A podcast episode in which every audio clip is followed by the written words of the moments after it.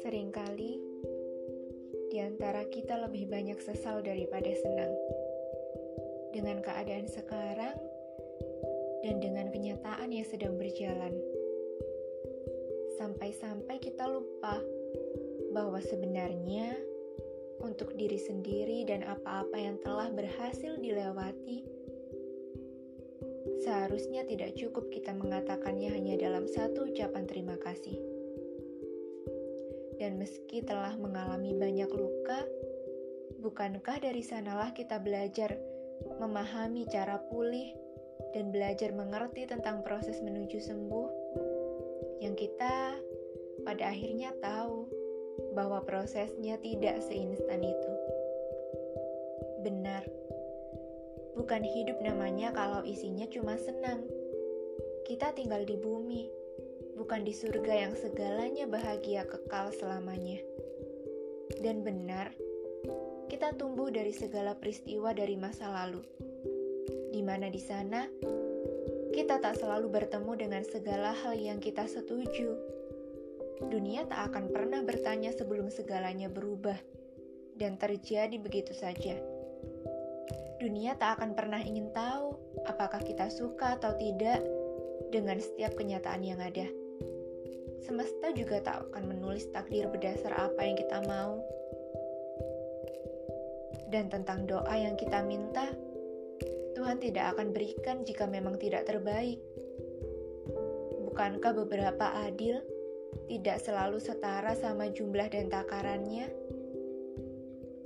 Dulu aku sempat berpikir, kenapa begini, kenapa begitu, kenapa harus terjadi padaku, kenapa bukan orang lain saja. Tapi, seiring usiaku bertambah, satu hal yang aku mulai pahami saat ini, bahwa beberapa pertanyaan tak pantas untuk ditanyakan harusnya dan beberapa jawaban tak perlu dicari tahu lebih dalam. Bertanya dan menyesali banyak hal hanya akan membuat hati tertutup dari rasa syukur.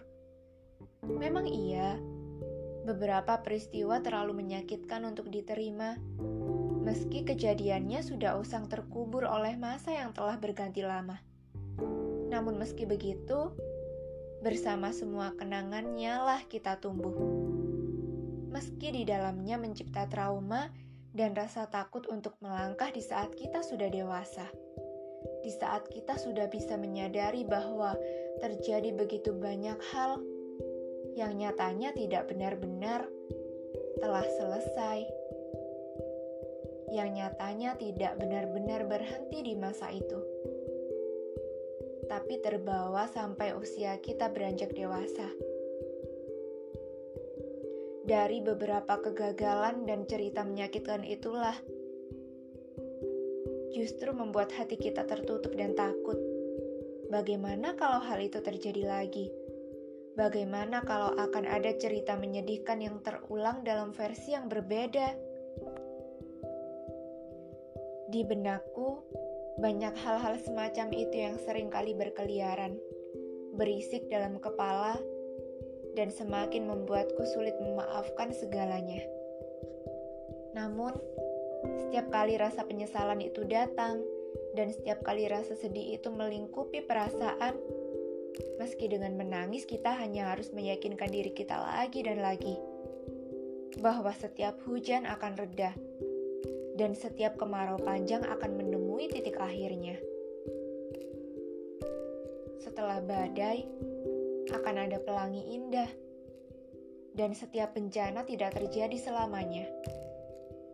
Jika di bumi isinya tak hanya bahagia, maka begitu pula sebaliknya.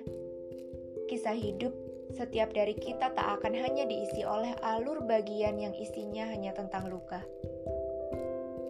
Setiap kehilangan akan kembali menemukan, dan kita tidak akan berduka selamanya.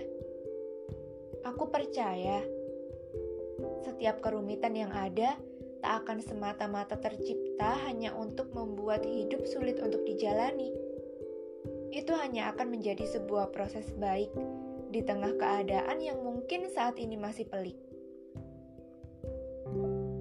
maaf.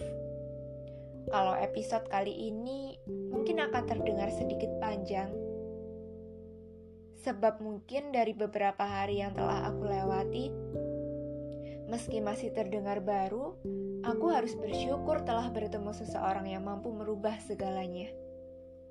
Dan ya, di dalam hidup, di dalam setiap ketidakterdugaannya, kita akan bertemu dengan seseorang yang entah datangnya dari arah waktu bagian mana, yang bahkan kita tak pernah berpikir tokoh sepertinya akan ada, yang sering kali di dalam diam, di dalam kesunyian, kita berpikir kenapa ya bisa ada orang kayak dia.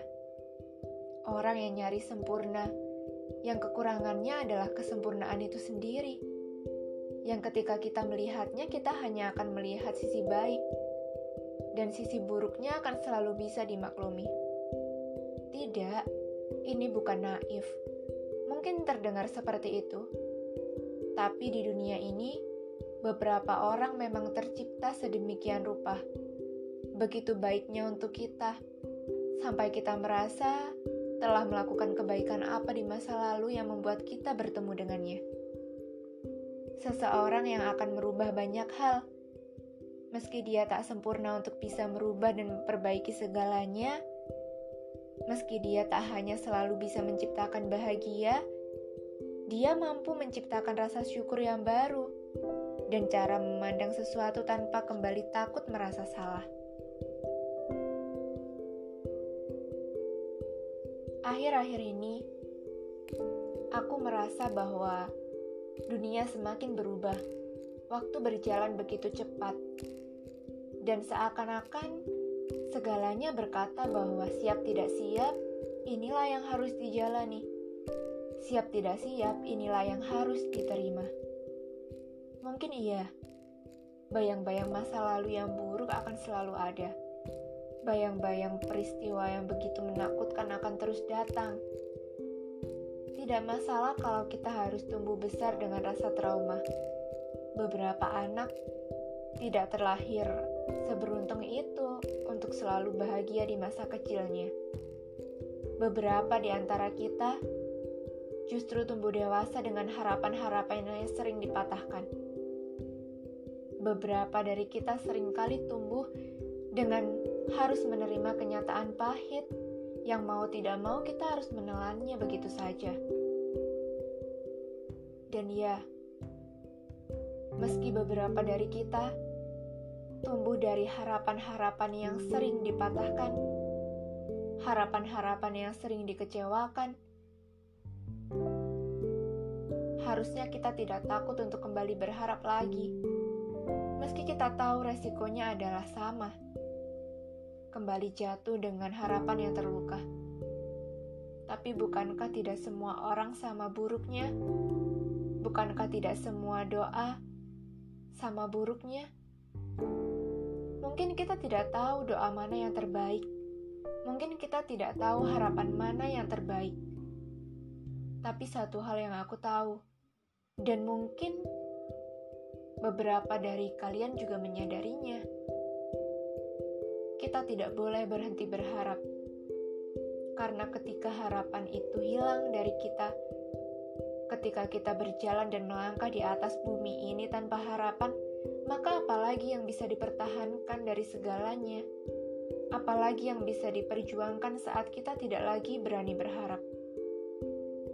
Aku tahu, di saat kita beranjak dewasa dengan harapan-harapan yang sering terluka, dengan harapan-harapan yang sering kali menemui ujung sedih yang sama, mungkin kita akan berpikir untuk apa berharap lagi jika harapan yang sederhana saja tidak bisa kita miliki. Di setiap harinya, kita berusaha untuk selalu merendahkan ekspektasi, berpikir kalau segalanya tidak mungkin terjadi. Apa yang kita inginkan tidak mungkin kita dapatkan, hanya karena di masa lalu dan di dalam proses waktu kita bertumbuh kita mengalami kecewa yang begitu dalam. Kita melihat luka yang begitu sering. Tapi akhir kata, Aku hanya ingin mengatakan bahwa kita tidak bisa menarik kesimpulan hanya dari masa lalu yang sudah berlalu di belakang sana. Jangan sampai kita kehilangan apa yang ada di depan hanya karena kita takut kejadian yang sama terjadi lagi, atau harapan yang sama patah lagi. Tidak masalah, apa pun yang terjadi, kita hanya harus melangkah dengan harapan yang baru setiap harinya. Tidak apa-apa jika tidak bisa menciptakan harapan yang baru, kita bisa melangkah dengan harapan yang sama. Kita bisa memilih untuk merendahkan atau meninggikan ekspektasi kita. Satu hal yang jelas, kita tidak bisa hidup tanpa doa, dan di dalam doa akan selalu ada harapan. Kita tidak bisa berjalan jika kita tidak bisa menerima kenyataan. Mungkin bisa, tapi langkahnya akan terasa lebih berat dari ketika kita mengikhlaskan segalanya dan memilih menerima. Meski aku tahu, menghapus benci itu tidak mudah. Menghapus sesal, menghapus dendam, itu semua butuh proses yang panjang. Tapi aku yakin, dan aku juga percaya, kita semua adalah orang baik, dan kita cukup baik kita cukup mampu untuk memaafkan segalanya dan memilih untuk menerima.